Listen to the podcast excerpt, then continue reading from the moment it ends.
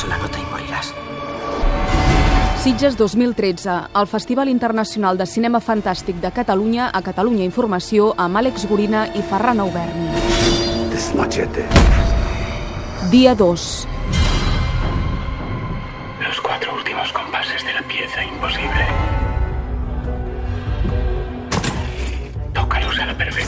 Primera vez en tu vida. Les primeres hores del festival han estat marcades per la bona rebuda del thriller Gran Piano, que ahir va ser molt aplaudit. Un homenatge al cine més artesanal i al suspens d'Alfred Hitchcock entorn d'un pianista amenaçat de mort durant un concert. El seu protagonista, Elijah Wood, en declaracions al Catalunya Vespre de Catalunya Ràdio, va reconèixer la seva admiració pel director de Psicosis, de qui va explicar que ja no es fan pel·lícules com les seves.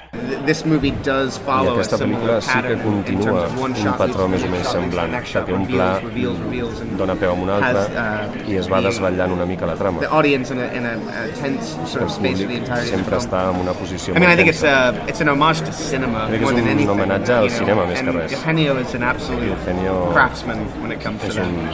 un, és un artesà. Gran Piano es presenta fora de concurs, per tant, no serà un dels títols que haurà de valorar el jurat d'aquest any. Integrat, entre d'altres, per Aina Clotet, l'actriu dels Nens Salvatges i 53 dies d'hivern, afronta el repte amb il·lusió, tot i que es reconeix com una dona poruga. Jo passo por.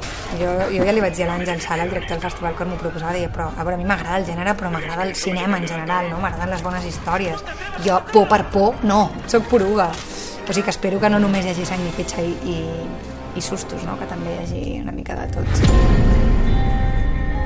La crítica. Byzantium de Neil Jordan és la pel·lícula d'avui.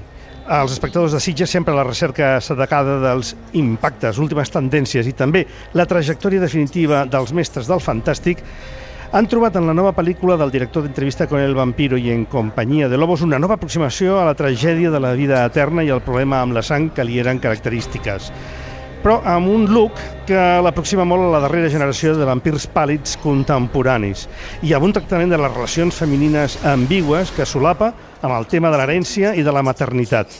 Sense deixar de pensar en l'ànsia en Susan Sarandon i Catherine Deneuve quan eren jovenetes, ens trobem amb un tractament una mica de modé, estil artòmens francesos dels 60 i pel·lícules de Roger Badem.